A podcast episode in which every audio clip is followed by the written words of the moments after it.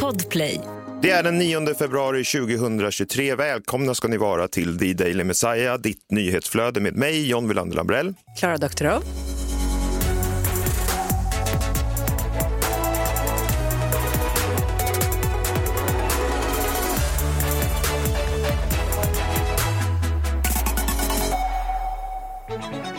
Ja, Klara, eh, det är torsdag igen. Ja.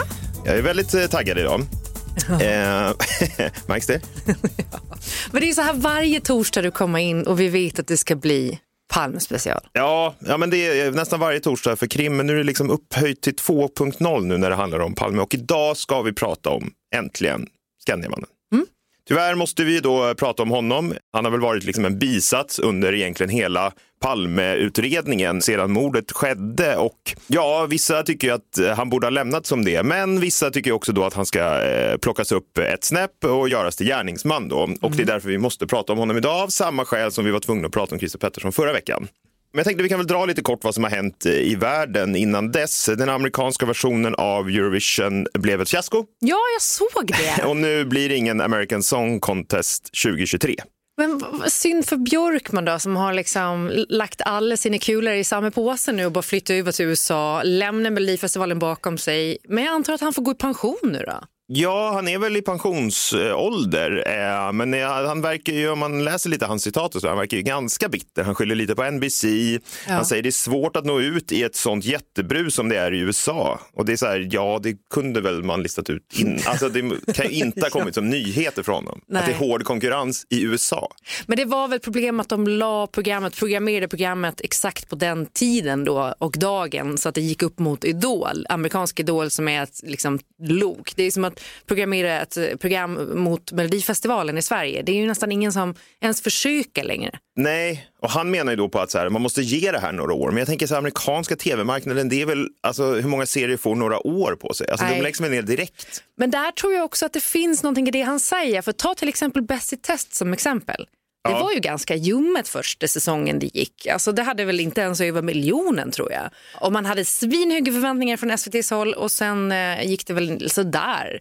Men sen tuffade man på och vågade tro på det. Och nu är det ju för fan en av deras absolut mest hyllade liksom, lördagsunderhållningar, Frida kanske. Ja, men Bäst i test är ju liksom Melodifestivalen, det är ju public service. Alltså NBC arbetar ju i ett liksom, alltså, kommersiellt klimat då, Ja. där de liksom måste leverera tittarsiffror. Det är också roligt, eller inte roligt för Christer Björkman kanske, men att American Song Contest hade alltså färre tittare än Melodifestivalen. Ja, just det. I ett land med vad är det, 260 miljoner människor. Ja, men det var ju ändå, alltså det måste man ju säga är rätt dåligt. Aj, det är hemskt dåligt. Och NBC som ändå är en av liksom giganterna väl? Ja, eh, tråkigt för Christer Björkman. Kanske kommer han eh, hem och, och eh, tar tillbaka rodret över Mellon. Det Men det kändes ju liksom när man såg de där låtarna och allting, det kändes lite så dammigt. Gjorde det inte det? Det kändes ju inte jättekul, men det, var det fanns ju de där uh, boots, vad fan var det? Boots? ja, My boots, were, vad fan hette den där låten från Wyoming eller vad det var? Boots are goofing. ja Boots are goofing Ja. var det. Jag vet fortfarande inte riktigt vad det är. Men vi får se vad som händer med det där. En annan nyhet då. Eh, hur kommer den cyniske och misantropiske Basil Fawlty att klara av att navigera i den moderna världen? Den frågan kommer att få ett svar när John Cleese tillsammans med dottern Camilla väcker nytt liv i komediserien Pang i bygget. Ja men det var kul. Gillar, är, det- gillar du den serien? Jag älskar Manuel, men han kanske inte får vara med längre för det var ju väldigt rasistiskt. Det är också roligt alltså att den här översättningen, jag hade glömt alltså att Fawlty Towers heter Pang i bygget och det var ju många sådana här svenska serier. Pang i plugget fanns det väl också? Ja. Eh, jag vet inte vad pang i. Men just det, pang, i plugget, det var pang han i den där snygge unge blonde killen. Eh, ja, nej, eh, Det är en konstig översättning. Jag undrar om den ska, kommer heta det fortfarande eh, på svensk tv. nej, nu får de väl behålla originalnamnet ändå. Man har väl gått ifrån det där. Hur gammal är John Cleese också? Ja, men han, jag tror att han behöver pengar. Det är därför han är med i allt. Ja, men har han inte royalties på den här gamla serien? Den verkar ju gå i repris fortfarande. eh, vad mer hänt i världen, Klara? Ja, men eh, jag såg då att influencern eh, Alice Stenlöf som flyttade till New York, hon har ju flyttat tillbaka nu. Hon var väl där i typ tre månader, vilket i och för sig är väl två månader längre än vad Messiah var i New York när han sa att han flyttade dit. eh, han var där en månad på semester vill jag påstå. Men då har hon då blivit intervjuad av Aftonbladet Wellness om sina bästa och sämsta egenskaper. Jag tycker alltid att det säger väldigt mycket om en person. Det är väldigt intressant att höra någon beskriva sina bästa och sämsta egenskaper. Oj, ja. Och så även då Alice Stinley. Jag måste säga att jag får ändå tvetydiga svar här från Alice, men jag tänker att jag bara lägger hennes svar här utan värdering. Så får vi se vad du tycker. Ja, alltså, okej, ja. Ja, okay.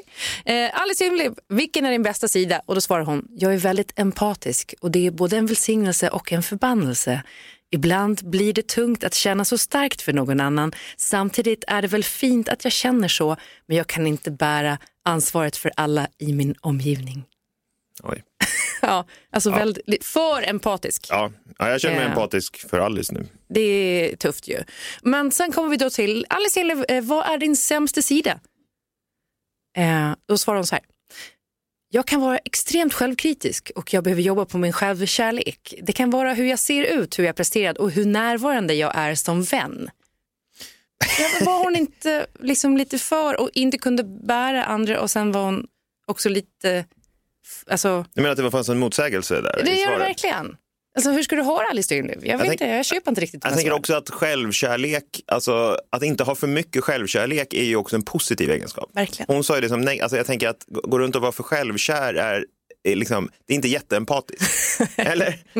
Det är väldigt förvirrande här i alla fall och jag, jag upplevde inte att Aftonbladet Wellness heller ställde några svåra följdfrågor. Fan, man gör aldrig det. De gör aldrig det. Nästa fråga tror jag handlade om hur det var för henne att vara tvillingens stjärntecken. Vilket jag i och för sig uppskattar. Jag kan tycka att det är kul med astrologi. Men ja, eh, vi går vidare för jag har också läst någonting otroligt spännande och det här tycker jag är ett steg framåt för den feministiska kampen. Om det är något steg framåt så är det här. För Låt vi... mig avgöra det. Låt mig avgöra det. Vi kan vara på väg att få vår absolut första kvinnliga diktator. Är inte det stort? Vi har aldrig haft en kvinnlig diktator. Vi har haft kvinnliga kejsarinnor, vi har haft kvinnliga drottningar. Vi har haft eh, ja, massor. Men vi har aldrig haft en kvinnlig diktator. Vad var Magdalena Andersson för något? Sanna bemärkelse. Hon var för fan inte en diktator. Sverige ligger väl på plats tre i demokratiindex eller något sånt där. Men eh, den jag pratar om då är ju Kim Jong-Uns dotter som har synts igen, vilket då ökar spekulationerna att hon är favoriten och kommer att ta över efter fadern. För man har ju inte sett någon av hans barn tidigare riktigt utom den här. Och hon heter ju Jun Ae. Eh, man tror att hon är nio eller tio år gammal eh, och att det ska vara ett av hans tre barn. Och anledningen till att man tror att hon är nio eller tio år gammal är för att man har intervjuat basketstjärnan Dennis Rodman. Han är den enda som vet grejer om Jag Nordkorea. vet, det är det som är så Jag otroligt. tror att alla litar på vad han säger. Men att de då eh, hade intervjuat honom och han sa att han hade gått runt där i Nordkorea som man gör på semester som man är med en liten bebis som var Kim Jong-Uns eh, 2013. Eh, och då tror man att det här... Då har Dennis Rodman gjort matten. Då. Exakt. Ja. UI. Eh, och att det blir då efterträdaren. Men kul! Fan, det är väl ändå stort att vi får en kvinnlig diktator. Nej, men när blir det? Han är väl jätteung, Kim Jong-Un? Jo, men han, är inte liksom, han har inte så god hälsa. Jag tror han är ungefär som vi är i ålder. Runt liksom 85-86 kanske. Men eh, det känns som att han är väldigt eh, sliten. Ja, han tittar för mycket på basket. Jag tror det. Ja. Spelar för lite. Ja, men det är någonting att se fram emot. Verkligen. Men du, sen tänkte jag också att eh, vi hade ju lite olika åsikter häromdagen eh, när vi pratade då om det här tragiska mordet eh, i stuvkällaren. Ja, på Marie Johansson 2005, ja. Precis. Eh, och det här med att eh, mordet skulle vara preskriberat. Jag läste att justitieminister Gunnar Strömmer han är öppen för att ändra lagen och att det har ligger då ett förslag i en utredning sedan tidigare men man har liksom inte genomfört den då om att höja preskriptionstiden från 15 till 25 år för då ungdomar som begår allvarliga brott. Jaha, höja den till 25, okej, ja. Ja, precis. Inte ta bort den då. För jag antar att anledningen till att de tar upp det då innebär att det skulle kunna funka retroaktivt. Så då skulle den här gärningskvinnan, vi kallar det gärningsman för det är oftast män, men äh, åker dit för det här mordet ändå. Och det är väl fint för Maries familj? För de sa väl också i någon intervju att de tyckte nästan att det var värre nu. Men menar du att det går att ändra retroaktivt då? Jag tror det. Fast det undrar jag. Annars skulle, de, jo, men annars skulle väl inte Gunnar Strömmer ta upp det? Nej, men han kan ju göra det för att det har aktualiserats nu och Ja. så kanske då för an- framtid. Jag vet faktiskt inte, det kanske går, men jag undrar. Men betyder det här då också att om, om Palmes mördare var Jo, men i och 17 med att- år så är det, det är preskriberat? I och med att förslaget har ligger, utredningen och förslaget har ligger sedan längre så tror jag att de kan Mm. säga att då kan det börja gälla från att förslaget kom in och då förändrar det preskriptionstiden för allting efter det. Det var kul att du kom in på lite krimsnack här. Det är som att du leder in programmet på vår nästa punkt som är Ja, just det. Förlåt att jag inte delar riktigt din pepp, men det är för att vi ska gå in på eh, Skandiamannen. Hur kan du inte? Nej, men det behöver man inte vara så peppad för. Det jag, vet jag. Men vi, jag har i och för sig lite peppet. Jag har ju berättat för dig att min man också är den så kallade Skandiamannen. Han, precis som Stig Engström, jobbar med reklam och har precis som Stig Engström Skandia som byrå och är art director, precis som Stig Engström.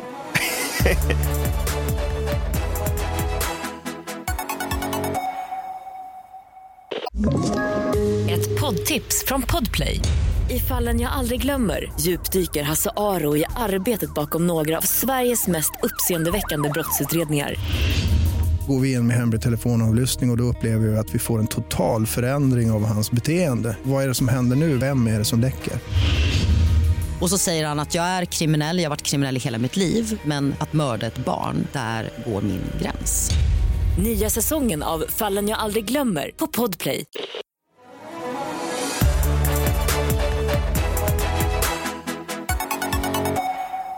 vi kör, vi har mycket att gå igenom och eh, det finns inte alltid här i världen. Krimmorgon.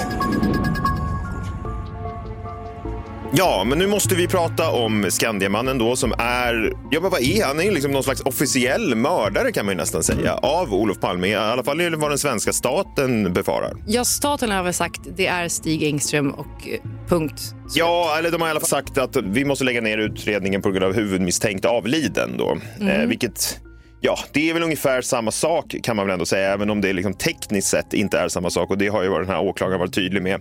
Lite kort bakgrund om man inte har hört talas om det här, om man har levt under en sten. Stig Engström hade ju just lämnat sitt arbete på Skandia, ett 40-tal meter från mordplatsen den kvällen när Olof Palme blev mördad. Han var på väg till fot söderut längs Sveavägen.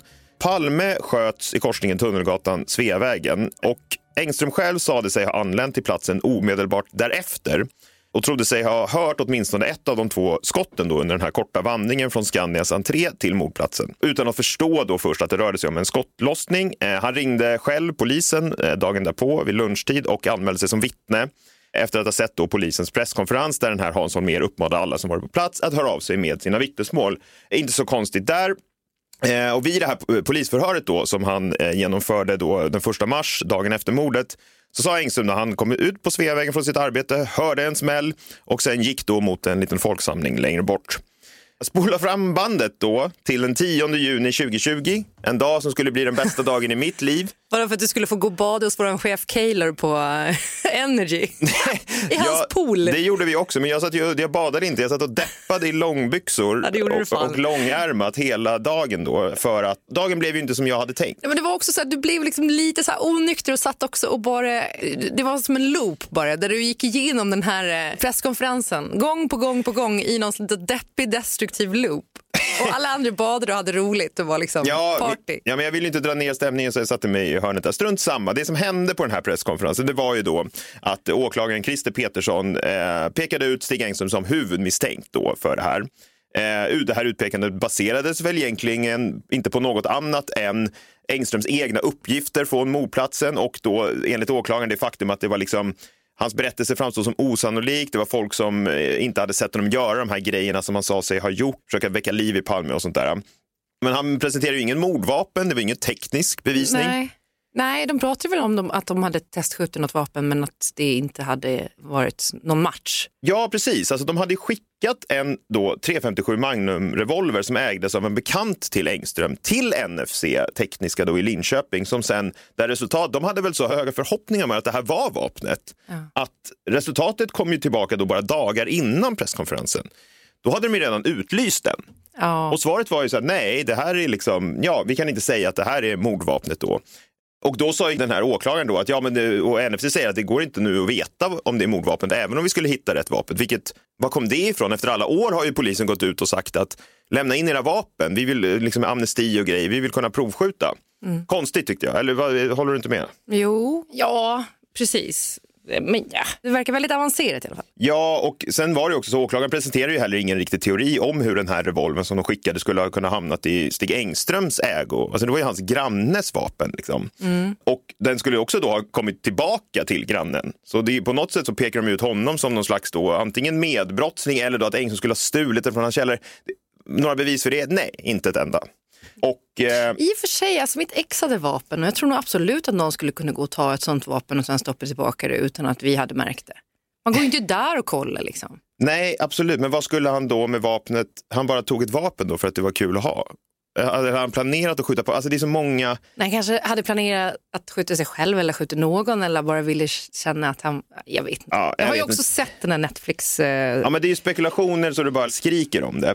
Ingen har ju sett honom med något vapen någonsin eller liksom så. Utredarna hade även försökt binda då en serie mystiska brev som liksom hade kommit in till utredningen kort efter mordet av någon som påstod sig att det var han. Då. Man gjorde DNA-tester som också kom tillbaka kort tid innan den här presskonferensen och det var, ska vi se, det var inte Stig Engström. nej. Det var inte Stig Engström.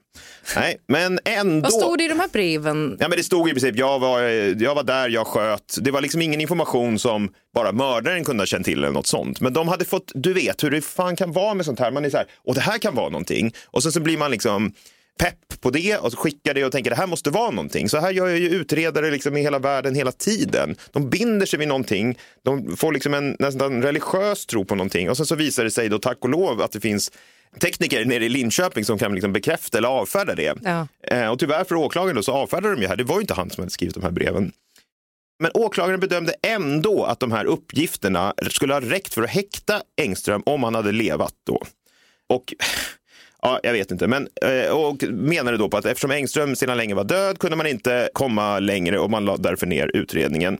Och den här chefsåklagaren valde ju då i slutändan, som vi båda minns, och det var väl det här jag satt och upprepade då på, den här pool, på det här poolpartyt. eh, att då, han liksom rundade frågan om mordvapnet genom att fastslå att, då, citat, med tanke på vad som sedermera händer aktuell kväll så säger vi att han måste ha haft ett vapen. Jaha. Alltså förstår du, Nej, men det, är så, det är den sjukaste meningen någonsin. Tänk om de Vad- skulle använda det där argumentet i varenda våldtäktsfall som finns där ute. Då skulle ju väldigt många män bli fällda. Ja, Han verkligen. måste hålla fram kuken. Ja, exakt. Kuken då? Jo, men om vi säger att det gick till så som det gick till, då måste han ju ha haft en kuk framhalad. Jag vet inte om det håller liknelsen. Liknelsen får stå för Nej, dig. men det stör mig att, att eh, Stig Engström då kan eh, fällas så enkelt på det där. Eller fällas, men, men ändå anklagas så enkelt. Verkligen. Eh, och eh, ja, jag tycker att det här citatet sammanfattar liksom hela den där eh, jävla presskonferensen. Men det är ju då två huvudargument som man kan använda mot Stig Engström. Då. Dels det här att han ska ha ljugit om sin roll på brottsplatsen och att ingen annan person har sett honom där. Det är väl det man har framhållit, att han, liksom, han ljuger om sin roll där, därför måste han vara gärningsmannen. Och båda de här påståenden är ju liksom högst diskutabla. Engström uppgav ju på ett tidigt stadium för polisen att han hade haft en central roll på brottsplatsen och att han tycks ha överdrivit sin roll kan ju möjligtvis förklaras med liksom en vilja att synas och ett hävdelsebehov, eller hur? Det väl, borde ju inte vara krångligare än så rent liksom Nej. Jag amatörpsykologiskt. tänker också att han var reklamare, reklamare kanske gick på kokain. Det gör de väl allihop? Ja, han gick i alla fall på alkohol då. Han satt ju ofta och söp uppe. Just han söp ju sen Ja. ihjäl sig. Så han var väl eh, alkoholist redan då tror jag. Och, eh, Även den här uppgiften om att ingen annan sett Engström på platsen kan ju verkligen ifrågasättas. Eh, En passagerare i en av de första bilarna som kom till mordplatsen bekräftade ju Engströms närvaro där. Eh, Den här passageraren beskrev tre personer som han mötte minuterna efter mordet. Det var en kille i blå täckjacka, en annan man som pratade väldigt mycket samt en man i 50-60-årsåldern som bar keps. Och det här sista signalementet stämmer inte överens med någon annan känd person på brottsplatsen än Stig Engström. Det är väl han, ja. Ja, och i sådana fall är ju inte han mördaren då, för det här var ju precis efter mordet, eh, när mördaren hade sprungit iväg. Fler grejer. Eh, när Stig Engström återvände till sin arbetsplats på försäkringsbolaget Skandia, då 20 minuter efter mordet, så berättade han för väktare som var där då att några personer hade satt igång med konstgjord andning på Olof Palme. Och det hade ju då de här, den sjuksköterskan som sprang fram, Anna Hag, hade ju börjat göra det. Det här sa han redan till väktarna, hur kunde han veta det? Väktaren, ja, om han inte hade varit där och bevittnat det. Nej, precis. Nej. Alltså, enligt åklagare så menar han att Stig Engström sköt Palme, stack iväg, sprang runt, kom tillbaka till Skandia. Alltså att han inte såg vad som hände på mordplatsen efteråt. Men det gjorde han ju då bevisligen. Ja, men Ja, det här- advokat skulle kunna säga att det är väl ganska naturligt att man försöker göra det när någon har slutat andas. Han skulle ha gissat då på det. Kanske, absolut. absolut. Men, Men det är ju, det är giss- iskallt av honom då att göra det. Ja, bra gissat får man ju säga. mycket Väldigt bra. bra gissat. Jag skulle nog inte ha gissat på det. Engström berättade också för väktarna att det då vällde fram blod ur munnen på Palme. Skulle han kunna gissa sig till det? Ja, visst, det skulle han, men där gissade han också rätt. Jag vet inte om jag skulle gissa på det. Nej. Alltså om man skjuter någon så väller det blod ur munnen. Ja, kanske. Och det var ju också vad som hände på Olof Palme. Engström uppgav även för väktarna att polisen var brysk mot Olof Palmes maka Lisbeth. Alltså eh, att de hade varit liksom, ja men hållit i henne lite och så här. Och det stämmer ju också med vad som hände. Hon hade sprungit runt och hon fick ju panik och sånt där. Hur skulle han veta det? Det här är alltså vad, han, vad Engström har berättat för väktarna 20 minuter efter mordet. Och jag är väldigt noga med att det som gäller i Palmemordet det är de första vittnesförhören. Inget annat trams. Nej. Men, Nej, men det är ju det du brukar säga, att man går på det första, inte det som dyker upp senare för att folk börjar minnas allt möjligt konstigt. Ja, det var ju som du sa i förra veckan det här med att man, liksom, man börjar ju drömma Ja, också. hjärnan kan inte skilja på dröm Nej, och och det är inte så verklighet. konstigt. Så att jag tycker också alla vittnesmål innan första sömnen. Tycker jag också är någonting vi kan... Mm. Ja, kanske, där har du något Gunnar Strömmer. Men det finns ju massa, jag ska inte gå igenom alla de här grejerna. Finns, jag har massa punkter här skrivna. Som är emot att det skulle kunna vara Stig Engström. Det kan jag tänka Nej, mig. inte Jag har aldrig sett har det, det har mer eh, liksom... Nej men inte, inte emot, men det är bara så att man säger, så- Brinn. nej, men det är bara att man säger så här, det finns inget som pekar på att Stig Engström var på mordplatsen och det stämmer inte. I polisförhör dagen efter mordet sa Engström också att han sett en man inne i gränden på Tunnelgatan. Ja, Engström har också sagt lite grejer. Han sa att det var en ung kvinnlig polis som var eh, först fram och tog uppgifter, samlade in vittnesuppgifter då. Eh, det stämde också, det hade inte stått i tidningarna. Det finns massa sådana här grejer. Så min poäng är bara så här, alla de här uppgifterna från Engström stämmer alltså överens med vad som hände på mordplatsen enligt andra personer som befunnit sig där och de här väktarna på Skandia. Det här kan han inte ha läst sig till och detta talar ju för att Engström befann sig på mordplatsen som vittne. Jag säger inte att det bevisar att han var där som vittne, men att säga att inget tyder på att han var på mordplatsen efter mordet stämmer inte. Nej, Sen har vi då Yvonne Nieminen. just det. Yvonne Yvonne. Hon var en av de första kvinnorna som gjorde någon slags HLR.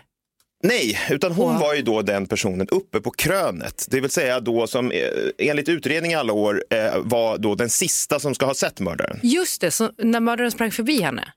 Exakt. Eh, det här har ju liksom debatterats lite. Var det mördaren hon såg? Det kan vi ju faktiskt inte veta. Leif GW Persson till exempel tror att mördaren sprang åt ett annat håll då, inte ner för David Bagares gata då, där hon såg en man. Nej, det, det, och den hon såg kunde ha varit någon som blev rädd bara för att den hörde ett skott eller? Ja, exakt. Eller stod och höll på med någon annan skit. Det här området kallas ju för Träsket också. En sen fredagkväll i Träsket, alltså det var droghandel och det var eh, Prostitution. Ja. prostitution, det var liksom all möjlig skit. Och när folk är där och gör massa skit och så börjar upptäcka här kommer en massa poliser springande så är det inte jättekonstigt att man då sticker därifrån. Nej. Men det som då eh, åklagaren på presskonferensen framhöll, det som Messiah alltid skojar om, det var ju det här med att han sa att mördaren hade en keps och kontorsskor och grejer. Och det var bara Engström. Ja, men och också så här, jag vet inte var han har fått det ifrån. Eh, Vad säger hon i första förhöret då? Det är det, tack Klara, det är precis det jag ska läsa här. Nieminen, hon ser då en man eh, komma springandes. Nieminen fick direkt intryck av att mannen var jagad. Han vände sig om två till tre gånger under den tid det tog tills han passerat dem. Mannen sprang inte speciellt fort, han hade ju nedförsbacke. Eh, medan mannen sprang försökte han stoppa ned eller ta ut något ur en väska han bar i vänster hand. Mannen gjorde rörelser som han med den högra armen exempelvis sökte dra upp ett blixtlås. Eh, väskan var i storlek 20 gånger 15 centimeter. Nieminen undrade för sig själv varför han inte stannade och ordnade till med väskan, men mannen ignorerade dem och sprang förbi. Mannen hade en mörk rock, troligtvis svart, som var uppknäppt och fladdrade. Rocken var ungefär till knähöjd. Nieminen uppfattade det som om mannen hade en mörk tröja under rocken. Nieminen såg bara mannens haka, han hade ljus hy, han hade inget skägg. Nieminen såg inte om mannen bar glasögon. Hon reagerade inte för om mannen hade någon huvudbonad eller ej.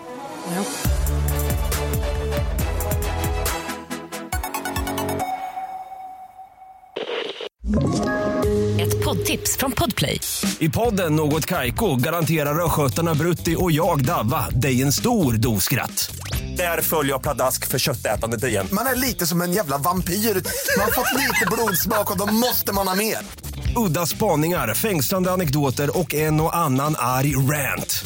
Jag måste ha mitt kaffe på morgonen för annars är jag ingen trevlig människa. Då är du ingen trevlig människa, punkt. Något Kaiko, hör du på Podplay. Därför är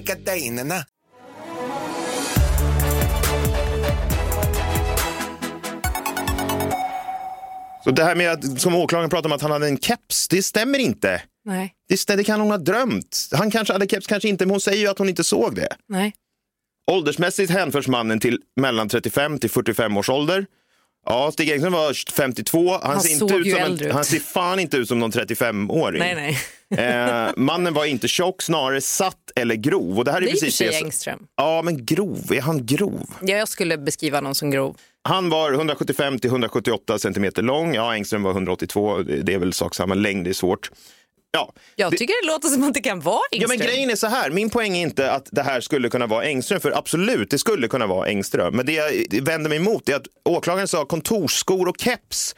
Hörde du någonting? Jag läste hela hennes vittnesmål här. Inga kontorsskor, inget keps. Han drar ju då slutsatsen att kontorsskor är för att mannen sprang och halkade lite grann. Men fan, jag har inte kontorsskor, men jag sprang på is hade jag också halkat. Det jag ville med, säga med Yvonne Nieminen signalementen är så här, ja absolut, och det är framförallt i den här väskan. Alltså Engström hade ju en sån här äh, liksom, handledsväska. Eh, Att han skulle haft en pistol i den, eller en revolver i den finns det ju liksom, det är ju ingen som har sagt att han gick runt med en revolver på sig. Men då är det många som springer runt med väska. Jag vill väl kanske påstå att om jag är en mördare och planerar att gå ut och skjuta någon så skulle jag nog ta med pistolen i en väska. En revolver kommer ju ofta med en revolverväska. Man, springer inte bara, man stoppar ju kanske inte den bara i fickan. Speciellt inte om man ska göra sig av med den då till exempel. Man vill väl stoppa den i en väska så är det väl inte helt otänkbart att mördaren också hade en revolverväska med sig. Ja. Men då, när vi har kommit upp till Yvonne Nieminen så har vi redan kommit lite för långt tycker jag. För det stora problemet, och nu här kommer min poäng. Det stora problemet med Filters avslöjande, jag gör stora citationstecken här i luften, åklagarens presskonferens och nedläggningsbeslut, Thomas Petterssons bok och Netflix-serien Den osannolika mördaren. Det stora problemet är ett och samma med alla de här. De pratar bara om vad som hände efter mordet. Eller hur? Netflix... Frågar du mig? jo, men du har ju sett Jag är Netflix-serien. livrädd för att säga någonting emot Nej, men dig nu. Jag vet inte om ja, jag får jag överleva dagen Nej. då. Du kanske också har med dig en sån här revolverväska till studion. Vad fan vet jag? Nej, nej, nej, absolut inte. Jag har inga kontorsskor heller, så du kan vara, du okej, kan vara okej. lugn. Netflix-serien börjar ju med att Skandiamannen har avlossat skotten. Ja. Det är där allt börjar. Allting är efter. Mm. Allting är efter. Det var även så det var under presskonferensen, eller hur? Ja, det det, här hände tänkte efter. jag. Mm. Men vad, vad, vad tänker du har hänt före då? Ja, för det här är ingen slump att de bara pratar efter. Eh, därför att vad som händer innan mordet visar att det som är osannolikt är att Stig Engström kunde ha begått mordet. Och nu ska vi prata innan. Och då måste vi börja med utpasseringstiden. Ja. Ja. Jag har aldrig varit så insatt i en utpasseringstid eh, någonsin. Men det är en rätt stor grej då. Och det finns en skillnad mellan den tidsuppgift som Stig Engström själv lämnade till polisen och den som fördes fram av åklagaren på presskonferensen. Då. Engström hävdar att stämpeluret angett 23.19 men att det vid kontroll med fröken Ur visade sig att det gått fel och att rätt tid skulle vara 23.20. Palmemordet skedde 23.21.30 typ. Och eh, det här fick ju faktiskt Petersson frågan om på pressträffen då. Och han, kan du presentera bevis för att du har rätt att det var 23.19 och inte 23.20? Och det enda då kända uppgiften som ger liksom något typ av stöd är enligt åklagaren då är förhör med den Skandia-anställda Roland B. Och Roland B var någon slags liksom, utstämplingsanställd på Skandia, jag vet inte. Han var ansvarig för den jävla utstämplingsklockan i alla fall. Och ja, Klara, kan du liksom dechiffrera det här eller vad fan man säger? Ja. Så här säger Roland B då, som åklagaren hänvisar till. Ja, den kollade jag med fröken Ur då. Våran klocka gick inte fel utan vår tidsapparat stod på 23.20 men vår klocka gick en minut fel vilket jag konstaterade vid kontroll med fröken Ur. Och det var därför jag också sa 23.19 åt Stig Engström. ja, så det var... 20... Nej, jag fattar ingenting. Jag, har fattar läst, fan ingenting. jag har läst det här citatet många gånger, jag fattar ingenting. Nej. Alltså, Roland B lyckas ju i samma andetag säga att klockan både gick fel och, Och inte. inte. gick fel. Nej, exakt. Så hur var det nu? Så att, att säga att det är fastställt om det var 23.19 eller 23.20, det är en stretch tycker jag. Men låt oss då for the sake of argument säga att den var 23.19. För är den 23.20 då faller alltihop som ett korthus. Alltså det, är. Hur vet du det? ja, det är en och en halv minut innan mordet som Ja. då Engström skulle ha stämplat ut. Men vadå, har du testat det själv eller? Många gånger. Eh, Du har varit där och springer den. Ja, och jag återkommer till varför det är totalt omöjligt. Låt säga då, han stämplar ut 23.19. Det skulle alltså ge Engström två minuter att stämpla ut från Skandia och sedan begå mordet 40 meter längre bort. Är det möjligt? Kanske, om han beger sig ut direkt, springer på Palme och skjuter. Men det gör han ju inte! Nej, hur fan ska han veta att Palme går där då? Ja, det är ju en sak, men han springer, går inte ut direkt efter utstämplingen. Här är förhör med en av väktarna inne på Skandia. Jag läser högt. När jag och min kollega stod och pratade där så kom Stig Engström. Varifrån då? Inifrån huset, troligtvis från sitt rum då på en trappa. Och jag pratade med honom ganska mycket, frågade om han haft mycket att göra. Då sa han att han hade slutfört ett jobb som var tvungen att vara klart för han skulle på semester nästa vecka. Sedan stod vi och pratade i ett par minuter. Och sedan skulle han gå iväg hem för att ta T-banan hem. Polisen frågar då, eh, har ni några rutiner att de ska stämpla ut eller att de måste ha nyckel och låsa upp dörren eller någonting sånt? Nej, om han har stämplat ut så gjorde han det innan han kom ut till receptionen. Så att säga. Så det är en sådan sak som vi inte såg om han gjorde eller inte. Och han stämplade ut, det vet vi ju enligt klockan. Det vill säga, Stig Engström stämplar ut 23.19, kanske 23.20, men vi säger 23.19. Står och pratar i ett par minuter om jobb och att han ska på semester. Det är bara så sjukt att vi har ett Sverige eh, där man stämplade en gång i tiden. Det är sinnessjukt. Ja. men om vi håller oss till uppskattning då, att mordet inträffar 23, 21, 30 så är det Stig Engström som mest två och en halv minut att hinna stämpla ut, passera en inre entré till receptionen, tala med väktarna i ett par minuter, gå ut genom huvudentrén, stöta ihop med makarna Palme, följa efter dem 40 meter och sedan skjuta. Ja, det Det är... låter tajt. Nej, det går inte. Det är inte bara tajt, det är omöjligt. Jag skulle undra om han ens kan göra det på dubbla den tiden. Så allt det här som åklagaren och Filter tjatat om, eh, liksom så här, att han har sett Palme utanför biografen, det var mycket snack om det där, om han har varit ute och ätit middag tidigare och då, han kan ha sett dem då, Mårten Palme kanske kände igen Engström utanför biografen, det har liksom ingenting med saken att göra. Skulle han då ha sett dem utanför biografen, följt efter dem, sen sprungit in på Skandia i flera minuter och sen magiskt dykt upp bredvid dem igen? Det är ju helt otänkbart. Om Engström hade stämplat ut 10-15 minuter tidigare hade det varit perfekt. Alltså då hade det varit perfekt. Då hade han kunnat se paret Palme utanför biografen på sin väg hem. Han skulle fortfarande behövt ha ett vapen på sig då av någon anledning. Men säg att det var så då. Då skulle han kunna ha varit grannmannen, den här personen som sätts stå och titta på Palme utanför biografen, sen följt efter honom och dödat. Men han stämplar inte ut 10-15 minuter tidigare. Han gör inte det. Han stämplar ut 23.19 eller 23.20 och det friar honom. Du kan inte stämpla ut klockan 21.19, stå och prata jobb, semester och annat i ett par minuter med väktarna och sen dyka upp i Dekorima-hörnan två minuter senare. Det är inte möjligt. Nej. Om det hade varit möjligt så hade ju åklagaren presenterat någon form av rekonstruktion när det var möjligt, men det är det inte. Nej, men det jag tänker är att, alltså, så här, hur kunde de presentera det här då som lysningen? Ja, det är ju liksom någon slags... Om det är omöjligt. Det är någon slags psykologisk fråga. Jag menar, alla vi som eh, kollar på Palme drabbas ju av det här att man vill ha en lösning. Liksom. Man, man, fan, man blir tokig på det. Men det, det ger en inte rätt att peka ut människor på det. Alltså, vi vill alla ha en lösning. Det finns ingen lösning. Då kan man inte bara välja liksom, första bästa. Tyvärr, så funkar det inte. Och om det nu så, som också teorin är att Engström då skulle ha planerat det här, så står man väl inte och pratar med väktarna då? Om man har följt efter makarna Palme från byn, då har han väl jättebråttom i så fall. Vad ska han in i Skandiahuset och göra överhuvudtaget? Det är väl bara att skjuta honom där. Man kanske inte vill ha alibi då? Jo, men hur ska han veta att makarna Palme dyker upp utanför Skandiahuset? Om han har följt efter dem till Skandiahuset, då är ju de långt borta när han har sprungit in och pratat med väktarna. Ja, det är sant. Nej, jag får inte heller ihop det. Hur Nej, man än vänder och vrider man, på man det så får är det inte ju ihop det tidsmässigt och det Nej. friar Stig Engström. Eh, Det går liksom inte ihop. Det här fick ju aldrig åklagaren några frågor om. Jenny Strömstedt svimmade i TV4 när hon skulle fråga. Camilla. Kvartoft blev sjuk och, och blev ersatt med, av André Pops i vita sneakers. Det var så- också så jävla... Det är någonting som omger Palme-fallet eh, som är så märkligt. Bara hur allting har hänt och just det där med att liksom, Kvartoft var sjuk, Pops ersatte och att Strömstedt svimma. Det är liksom... Det är för Nej, det, bra för att vara det är sant. cursed. Det är Liksom. super-cursed. Ja. Åklagaren presenterade inte hur det skulle gå till, det gör inte Filter heller, därför att det inte går. Det har ingen bäring, det håller inte, det finns inte tillstymmelse till bevisning mot Skandiamannen som håller. Men då kan man ju fråga sig då, Klara, finns det någon bäring på någonting när det gäller Palmemordet? Ja, det måste du väl göra. Ja. Du måste väl kunna komma med någon form av teori här Ja, det vill jag hävda att det gör. Det finns det. Och när vi nu har städat undan de två spår som uppehållit utredningen så länge så tycker jag att det är dags att vi börjar titta ditåt. Okej. Dags att börja titta ditåt. Så vi det, har, vi har avfärdat nu Christer Pettersson och vi har avfärdat Stig Engström det vill jag påstå. och nu nästa torsdag Och det ska vi börja göra i krimmorgon om en vecka. Ja, men jag är väldigt nyfiken på vad det här är det Sydafrikaspår? Eh, vi får se nästa vecka. Om ni har eh, frågor eller invändningar mot eh, mina ranter om Skandiamannen får ni gärna höra av er. Men eh, tack för att ni har lyssnat eh, på oss. Idag är vi tillbaka om en vecka med Krimmorgon. Men vi är tillbaka redan imorgon med alla fredagsgrejer som vi har blivit så vana vid med fredagstacos och eh, annat. Ja. Men vad kul, men vi hörs imorgon då.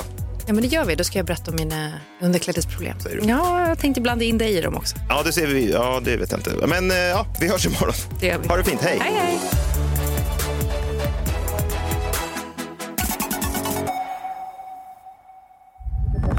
Podplay, en del av Power Media. Ett poddtips från Podplay. I fallen jag aldrig glömmer djupdyker Hasse Aro i arbetet bakom några av Sveriges mest uppseendeväckande brottsutredningar. Går vi in med hemlig telefonavlyssning och, och då upplever vi att vi får en total förändring av hans beteende. Vad är det som händer nu? Vem är det som läcker? Och så säger han att jag är kriminell, jag har varit kriminell i hela mitt liv men att mörda ett barn, där går min gräns. Nya säsongen av Fallen jag aldrig glömmer på Podplay.